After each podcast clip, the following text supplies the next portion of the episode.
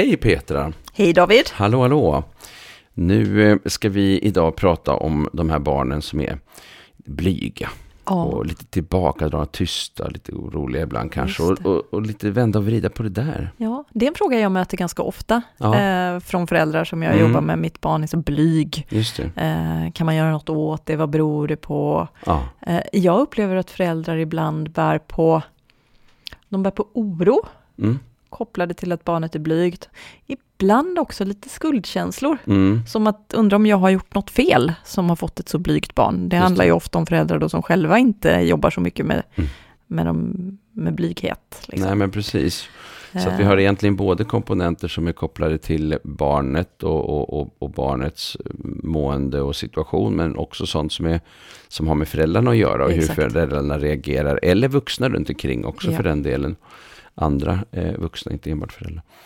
Ehm, eh, jag tänkte att det skulle vara lite spännande att börja liksom i den här änden. Eh, vi, har ju den här liksom, femfaktorsteorin om Mm. personlighet och i den så är det den, den liksom mest utforskade handlar om det här med introvert och extrovert. Ja, Ehm, och ehm, i någon slags skala då där den här extroverta liksom ofta är så här utåtriktad och, och, och kanske ibland också pratsam och får energi av sociala sammanhang Mm. och den introverta är mer eftertänksam, analytisk kanske och får, kanske upplever mer att, det, att man inte får energi utav andra människor nej. på samma sätt.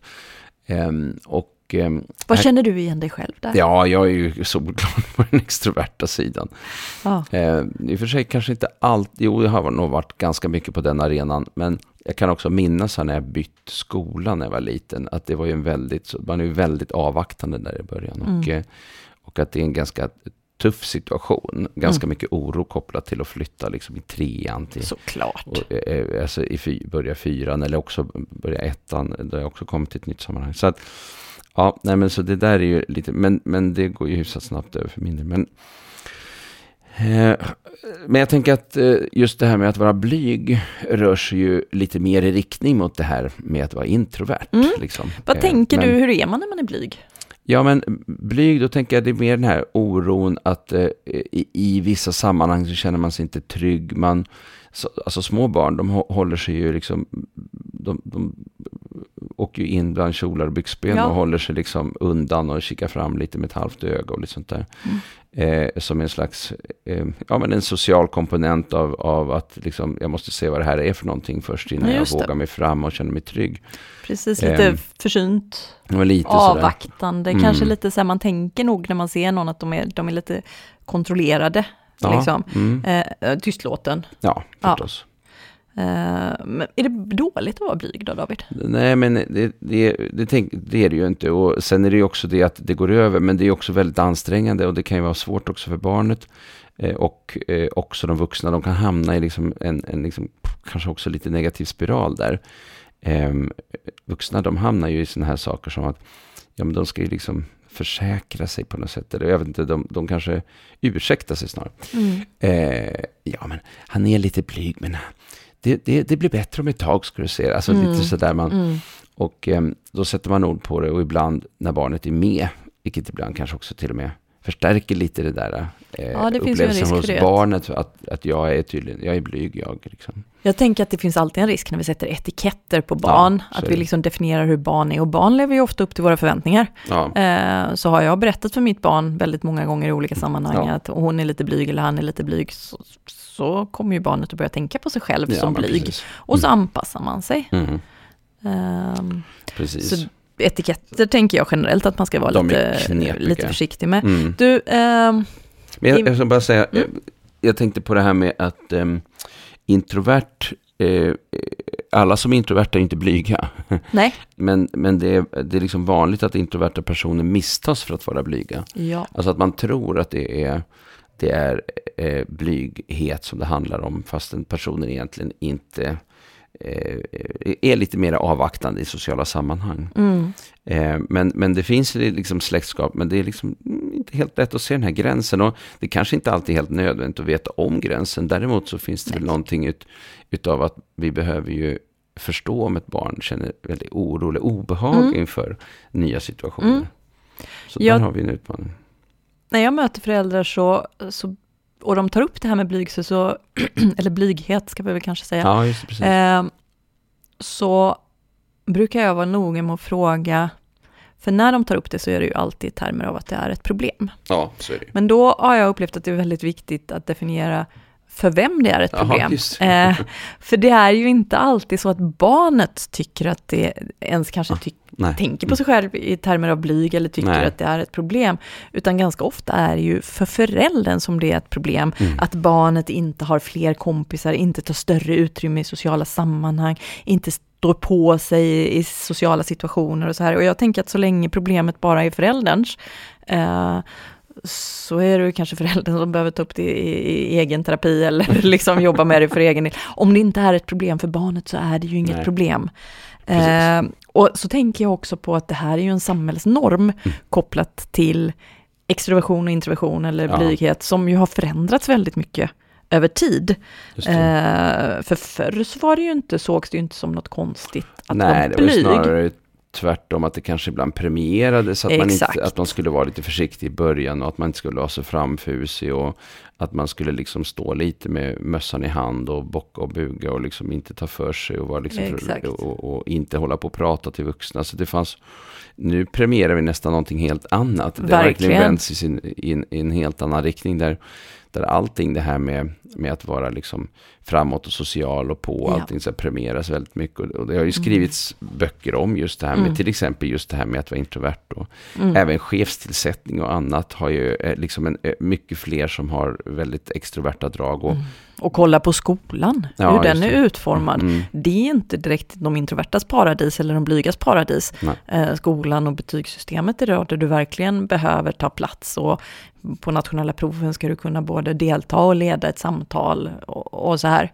Eh, och det har ju verkligen ändrats över tid. ja, det har det ju. Och vi blir ofta oroliga och man, man blir orolig på förskolor då. Föräldrar blir oroliga också om deras barn inte Mm. ja, man har så mycket kompisar, det här som liksom, eller att de, att de inte tar för sig och hela den här sociala Precis. biten är väldigt stark. Och sen, men det har faktiskt visat sig att alltså det finns ju fördelar med att Mm. vara blyg. Ja, Eh, till exempel så har det visat sig att blyga personer, de är ofta, de förbereder sig mer. Till Mm. exempel. mm. Eh, inför att prata inför en grupp till exempel, Ja, så är den blyga ofta mycket mer genomtänkt och förberedd än någon som bara tänker, ah, det där det vingar sig. jag lite grann, det, det löser sig på något sätt liksom. Mm. Så ofta gör ju de blyga en bättre prestation, har det faktiskt visat sig.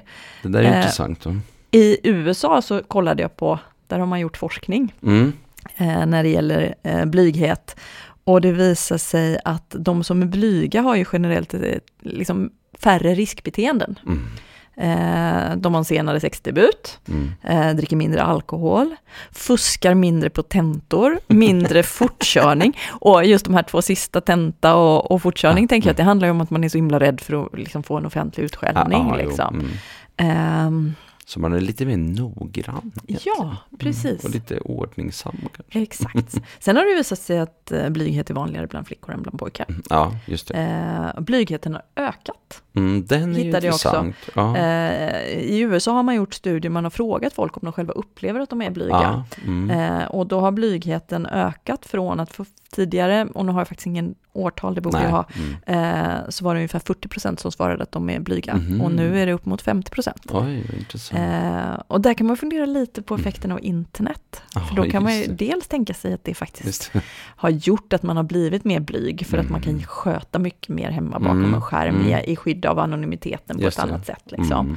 Mm. Eh, samtidigt så fördelen med internet är ju också att de blyga har möjlighet att, att ta plats i samhället på ett annat sätt än vad man kunde tidigare när man var tvungen att ställa sig på torget och prata. Liksom. Nu kan man prata på internet eh, och få en arena och, och vara ganska blyg. Liksom. Ehm, Och här är det mm. lite intressant om vi eh, kikar på lite andra begrepp här eh, som också liksom relaterar i det här området. Eh, för eh, vi har ju liksom lite olika eh, begrepp här. Vi, vi vet ju också att till exempel blyghet eh, har en viss riskfaktor för, eh, i, i, i att man kan utveckla social fobi till exempel. Nu är inte Ja. det, och det är en slags ångestproblematik. Mm. Så att där man liksom just upplever oro inför och, och, och ångest inför sociala sammanhang. Så det leder ofta till kanske att man undviker eh, att gå till sådana situationer eller, eller just uppleva den där känslan. Och sådär. Exakt.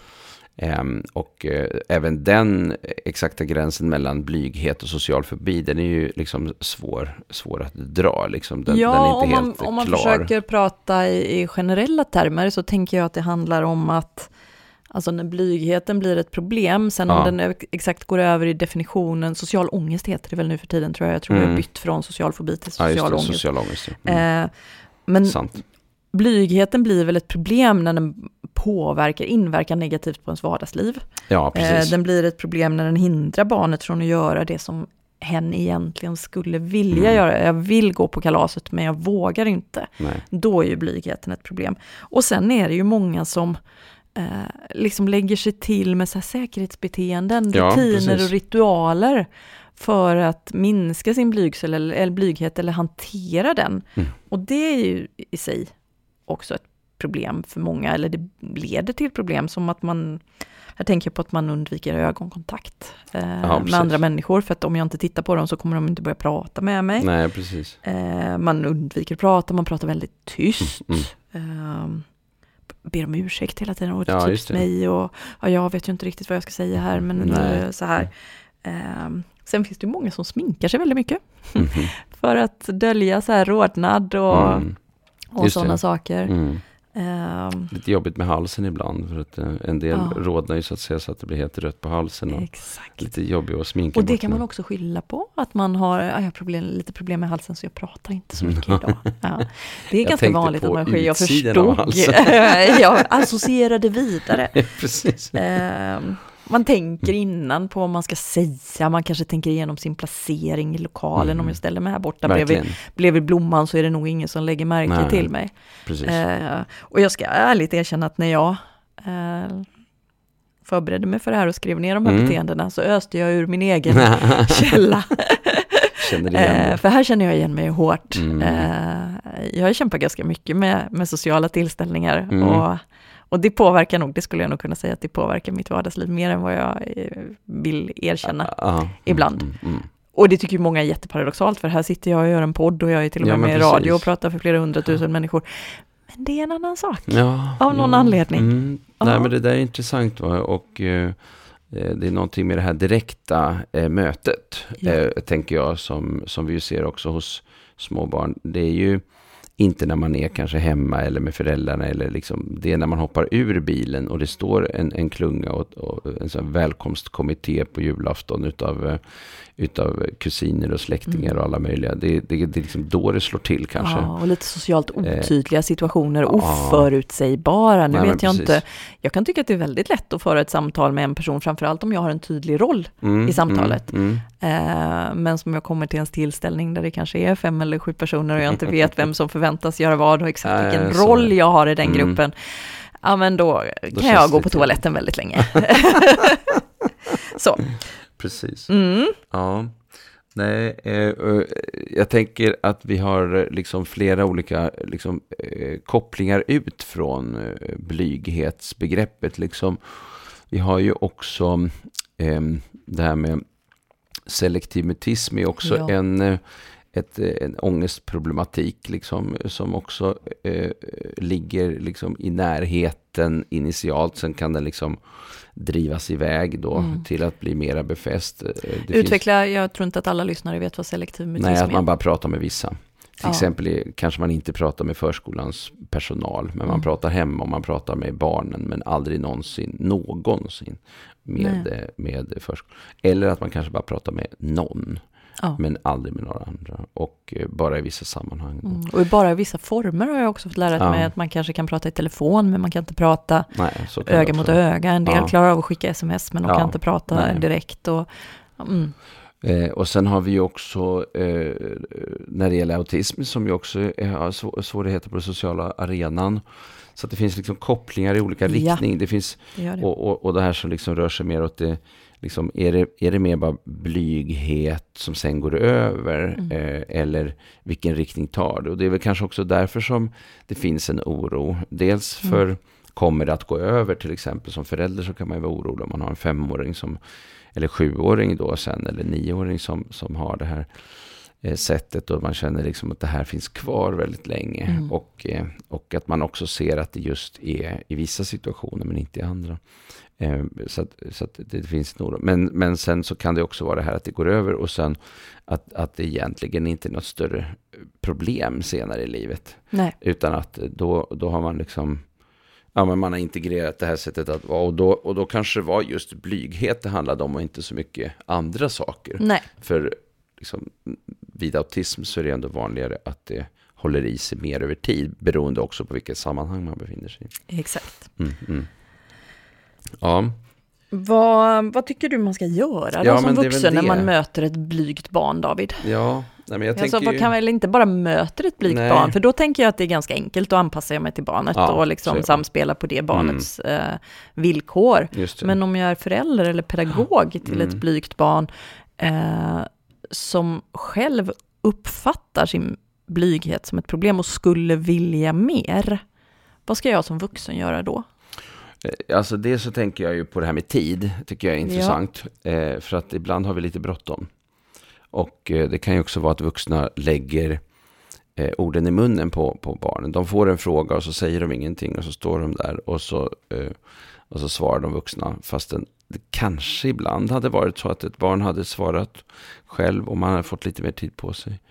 Eh, Men det där är ju en svår fråga för att man vill inte heller pressa någon. Så det handlar ju också om att rädda. Alltså som vuxen går man in och svarar åt barnet. Eh, och hur gammal är du då? Kanske Ah. man säger så här. Och så får man inget svar och så säger man. Ja, hon är fem år, hon är lite blyg. Men, ja, Mm. så. så att det blir ju som ett sätt att rädda sig själv. Liksom. Och där finns det ju liksom, eh, alltså det här med att man, ibland kanske man behöver vänta lite. Eh, så. Eh, men, men det är begripligt att man går in och, eh, och säger, ja hon är fem. Exakt. Eh, sen kanske det är mer problematiskt att man säger hon är, hon är blyg. Ja. Liksom. Mm. Och här tänker jag också på kort och lång sikt. På Ja. kort sikt så är det kanske hjälpsamt för både barnet och för mig och för den vi samtalar med att jag går in och svarar. Mm. Men om jag gör det varje gång, Nej, eh, så på lång sikt så tänker jag att jag sänder signalen till barnet att du, Du- det är ingen som förväntar sig att du kan svara så att jag löser det åt dig. Ja. Liksom. Ja. Eh, men också där tänker jag att man, när barnet är lite äldre, Mm. att faktiskt fråga barnet. Ja, du, när det. blir så här och Mm. du blir tyst. Mm. Eh, hur vill du att vill jag ska jag gör? göra då? Mm. Ja. Och ett alternativ är ju faktiskt bara att man att man fortsätter som vuxen med samtalet. Alltså vi behöver inte göra så stor affär av att barnet inte svarar, Nej. utan jag fortsätter mitt vuxna samtal med den vuxne. Ja, Då kan jag säga, hur gammal är du? Nej.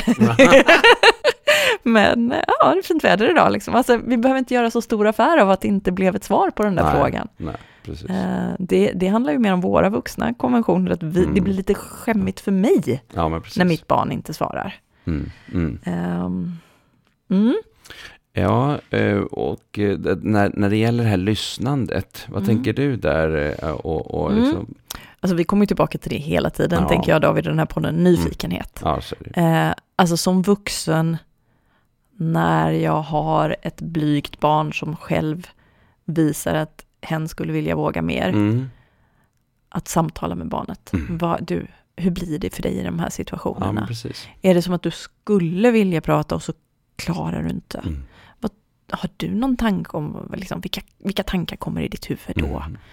Vad, liksom, hur skulle du, om du vågade, hur skulle du göra då? Mm. Så att jag försöker, alltså om jag ska kunna hjälpa barnet att lösa sitt problem, för let's face it, det här är Just ju det. barnets problem. Mm. Eh, det kan vara mitt vuxna också, men det i grund och botten är det ju barnets problem. Om barnet ska kunna ta emot hjälp från mig, Ja, då behöver barnet känna sig trygg med att jag förstår hen. För om barnet upplever att hon fattar inte hur det här är för mig, hur ska barnet kunna ta emot hjälp från mig då? Mm.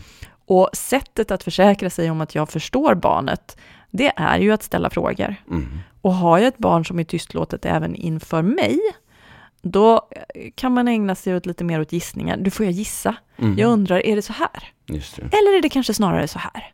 Och sen har ju du dina fina samtalsmetoder, eh, David, som du har skrivit om, som jag tänker att man kan använda även här.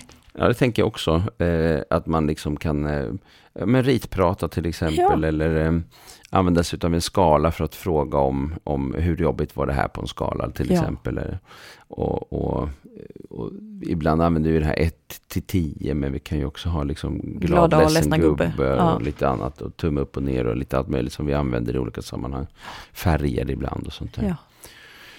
Och sen tänker jag också när Mm. vi ser att barnet i vissa lägen inte agerar utifrån sin blyghet utan kanske sticker rakt in i en grupp och säger hej, hej, tjena, här är jag. Mm, ja. Att också uppmärksamma, du, jag märkt att idag så sprang du rakt in i den gruppen och Ja, bara ropade hej, hej. Vad var det som gjorde att du kunde Mm. göra det där när du inte kan göra det där? Och inte, ja, jag har ju sett att du kan det där så då måste Mm. du kunna det Ja, där också. mm. Utan nyfiket, jag Ja, blir precis. så himla nyfiken. Och jag fattar att det är så, det är olika i olika sammanhang och jag vill gärna fatta vad är det som gör att det Ja, blir men lätt där och precis. svårt där. Så att sa- samla information för att förstå barnet och också kanske för att hjälpa barnet att förstå sig själv. Mm. Det här är ju liksom steg ett, är två och tre. Mm, Ja, just det. Ja. Precis. Ja. Ehm, och sen många gånger sitta på händerna och låta, som du sa, Lite. tid. Ehm, Mm. och låta barnet eh, ta lite eget ansvar. Eh, men sen också, och här är det viktigt tänker jag, att vi behöver komma på, är barnet bara blyg, det vill säga är barnet rädd i situationen, eller är det också så att barnet faktiskt inte riktigt vet hur man gör? Nej, för det är ju en jätteskillnad ju. Ja, Ja. eh, för om barnet inte vet hur man gör, då Nej. behöver jag hjälpa Hjälpa barnet till med med, det. strategier. Ja. Mm. Hur, har du något förslag på hur man kan göra det David? Nej, men jag tänker att eh, det finns ju många saker man kan göra. Det finns ju de som jobbar med rollspel till Mm. exempel. Alltså föräldrar eller, eller personal jobbar med rollspel. Försöka hitta hur kan man göra i olika situationer eh, Ja. eh, för att klara av. eh, till exempel att ehm, ja, ta sig in i en lek om man är liten. Eller en aktivitet eller en social grupp till exempel. Eh, så så det, är ju, Mm. det är ju ett sätt. Hade du något annat som du kom Nej, jag på tänkte nu? Precis. jag- leka med gosedjuren brukar alltid Ja. vara. Det är ju en sorts rollspel, men man Ja. rollspelar via gosedjuren. Ja. Det brukar vara väldigt populärt och Mm. gärna med lite humor också. Mm. Ja, så det får vara någon klantkalle som springer rakt in och bara sabbar allting och så bara, nej men vad händer nu liksom? Så att man får skratta lite mitt i alltihop också. Mm. Eh, Jo, det är sådana saker gör man ju liksom med, med mindre barn. Har man, Ja. har man äldre barn, där är det lite Ja, det svårare, svårare. också. eh, eh, Precis, då kan man Mm. ju inte göra det på det sättet kanske. Men ibland kan man jobba med problemlösning. Ja. Tänker jag att man, man ställer upp, liksom, vad är det som händer här och vad är skillnaden mellan den här och den här situationen. Det här som vi pratade Mm. om förut.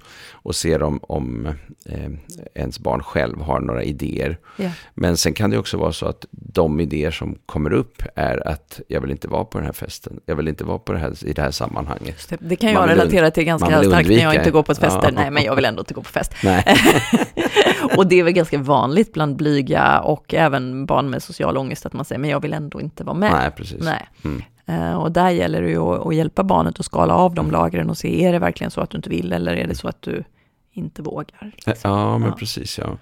Och eh, att undersöka lite vad är det för oro eller rädslor som finns. Ja. För att ibland så handlar det ju om, om eh, att man eh, bygger upp någon slags scenarier för Ja. vad- waste curse, eh, Worst case. worst case scenario. Eh, där man eh,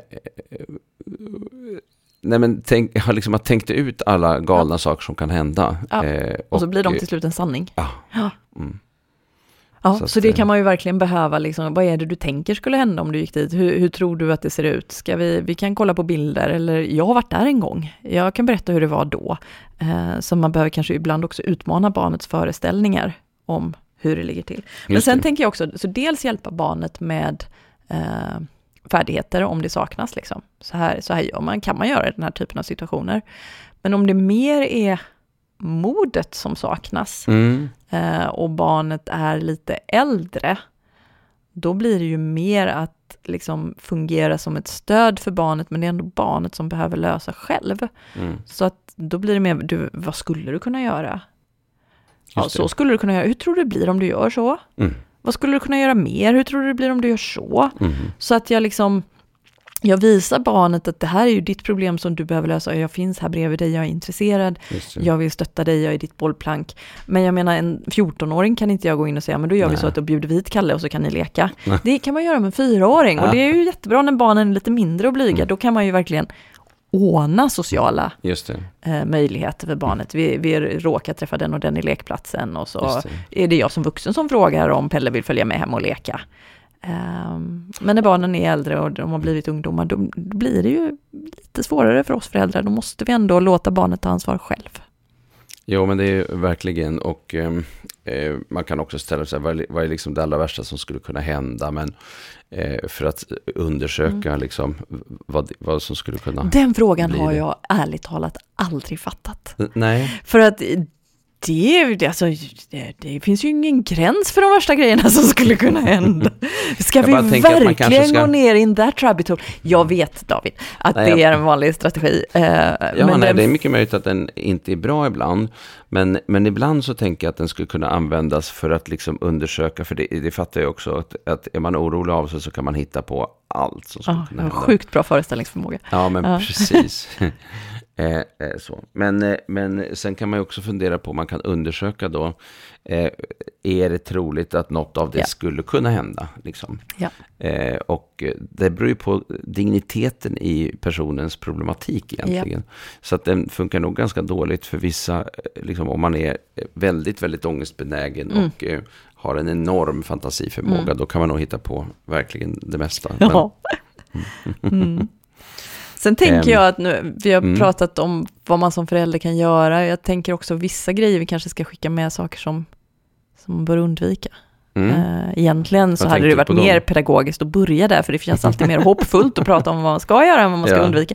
Men några grejer som jag har märkt att föräldrar gör som inte är så hjälpsamma, det är ju, och det är ju egentligen självklarhet, det fattar ju alla ni som lyssnar, men jag vill ändå sätta ord på det, det här att föräldrar ibland lägger över sin egen frustration och oro på Mm. barnet. Men Ja, du måste ju, Mm. och hur tror du det blir när du är vuxen om du inte ens kan säga hej till fröken Nej, nu när du är. 12 liksom och så här. Mm. Eh, och det är ju sjukt ohjälpsamt. Upp, uppfostra Naturligtvis. liksom på något sätt. Och, ja, Ja. Med sånt. Sen vill jag i all välmening skicka med också det här eh, påminnelsen om att ditt barn är inte du. Mm, För jag nej. märker många föräldrar som själva har varit blyga när de var små och som Mm. jobbade mycket med det. Tänker att barnet uppfattar motsvarande situationer på samma sätt som de själva gjorde. Mm. Ehm, och så är det ju inte. Med, med största sannolikhet är det faktiskt inte så. Nej. Men det är väldigt lätt att vi som föräldrar springer iväg och tänker att det är likadant. Eh, och där, där behöver vi stanna upp och vara lite nyfikna och inte blanda ihop barnets situation med hur det var för oss själva. Mm, tänker jag. Mm. Ja, men precis. Just det. Mm. Eh, och sen tänker jag, alltså jag kommer att tänka på det, det rent krasst är det ju så att vad, vad tufft det är att vara barn och vara blyg. Ja. Eh, alltså barn befinner sig i så många miljöer där de måste interagera. Mm. Som vuxen så, så kan ju jag som är blyg eh, välja bort massor av ja, sammanhang. precis. eh, och jag kan rigga min vardag på ett sätt som gör att jag kan samla in Mm. energi inför de här liksom, jobbiga, krävande situationerna och jag kan återhämta mig efteråt. Men barn som deras liv ser ut, liksom. De blir satta i en förskola eller en skola Ja. och de hamnar i och de är på fritids. Exakt, och sen så, du sa ju att du ville gå på dans och nu Mm. måste du minsann gå på dans och så är det viktigt att vi, vi eh, åker och hälsar på farmor på helgen och så. Det är sjukt krävande ja, att vara precis. barn och vara blyg. Mm. Ja. Ehm, och det behöver vi också tänka på ibland, Ja, men precis. jag. Att man får fundera på hur mycket aktiviteter och sammanhang och grejer ska man faktiskt ha. Ja. Eh, så, för att, eh, för att, att hela tiden eh, jag Utmanas. har den där känslan av att jag, jag misslyckas blir inget bra. Mm. Samtidigt så finns det ju också, om det finns en möjlighet att, att vad ska man säga, öva eller röra sig i en riktning mot eller, eller pröva sig fram lite långsamt och eh, i steg och sådär så kan ju det finnas en poäng i det. Ja. Eh, Ja, för så är det ju också att om vi har ett blygt barn, vi ska ju inte bara stanna hemma. Nej. eh, och anpassa oss helt efter, liksom, ja men mitt barn är blygt, hon vill inte träffa någon. Men det gäller ju att hitta the sweet spot, liksom, Mm. där det inte blir för mycket och inte heller för lite.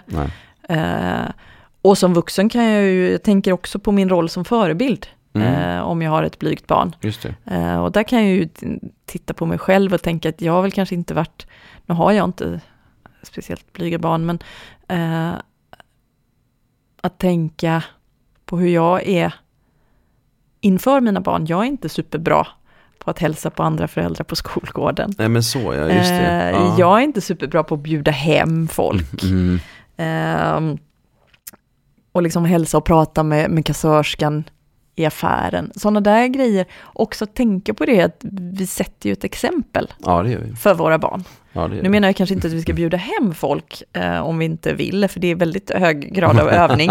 Men att öva sig på att prata lite, slänga lite käft med kassörskan Mm, och, ja. och stanna till och prata med läraren eller en, en förälder på skolgården. Mm. Det, det är nog viktigt om vi har ett blygt barn att visa att, eh, liksom, Att visa att vi gör saker. det. Liksom. Ja. Ja, och där blir det ju klart att det blir eh, ett, en stor utmaning om man är en förälder som, som själv själv, ja, Ja. Precis, som tycker att det är jättejobbigt. Precis. Mm, ja, Mhm. Som har den. Ja, nej, vi lever verkligen i en, i en social, eh, ett socialt samhälle och eh, idag så eh, är det ju egentligen verkligen överallt. Alltså alla arbetsplatser och eh, i hela skolan och förskolan. Alltså vi, vi lever i, det är en social arena hela tiden. Ja. Och eh, det är ganska få. Vi, vi har ju liksom de här eh, liksom, som lever nästan ett eremitliv. Ofta lite så här, och, och typ gampojken i byn. Alltså lite de Ja. här eh, gamla begrepp, personer som förmodligen, ja men tyckte väl att det var lite sådär. Och många av dem skulle nog haft diagnoser idag kan man ju Ja. tänka sig av olika slag. Ja. Ehm, så. Men en svår balansgång mellan det där med att, eh, att eh, liksom utmana lite och att ändå skapa trygghet. Mm. Eh, och eh, eh, att, inte, att inte hamna i en situation där man hela tiden hjälper barnet att undvika, undvika, undvika. För det är klart att det kan ju också leda till en problematik. Så det här blir en jättesvår balansgång. Och för vissa är det ju så att man verkligen skulle behöva ha hjälp med det här och kanske, kanske till och med ha så stora svårigheter att man faktiskt behöver ha hjälp av, ja men till exempel en barnpsykiatrisk verksamhet Mm. eller så. Mm. För att man hamnar eh, också kanske snett i sin relation till sitt barn därför att man kanske har varit så orolig och pushat och, och så märker man att det blir bara sämre och sämre och sådär. Exakt. Och Mm. där vill i alla fall jag skicka med det, jag är helt säker på att du också Mm. vill David, att tveka inte att ta hjälp. Nej, nej, verkligen inte. Alltså känner Mm. du dig orolig, fråga Mm. hellre en gång för mycket än en gång för lite. ja, Och ibland eh, är det hjäl- precis, ja. hjälpsamt att ha någon som hjälper en att dra i trådarna kring, Mm.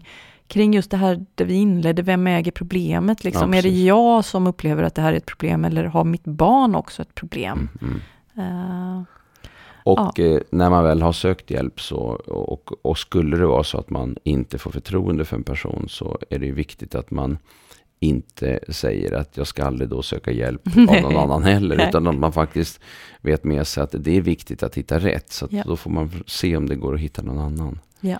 Eh, om det skulle vara så. exakt. Det är viktigt också. Ja, ska vi dra ihop de trådarna nu, Ja. David? Mm. Och um, helt enkelt eh, säga tack för idag. Ja, men vi rundar av. Ja. Tack så jättemycket. Hej då! Tack, tack. Hej då.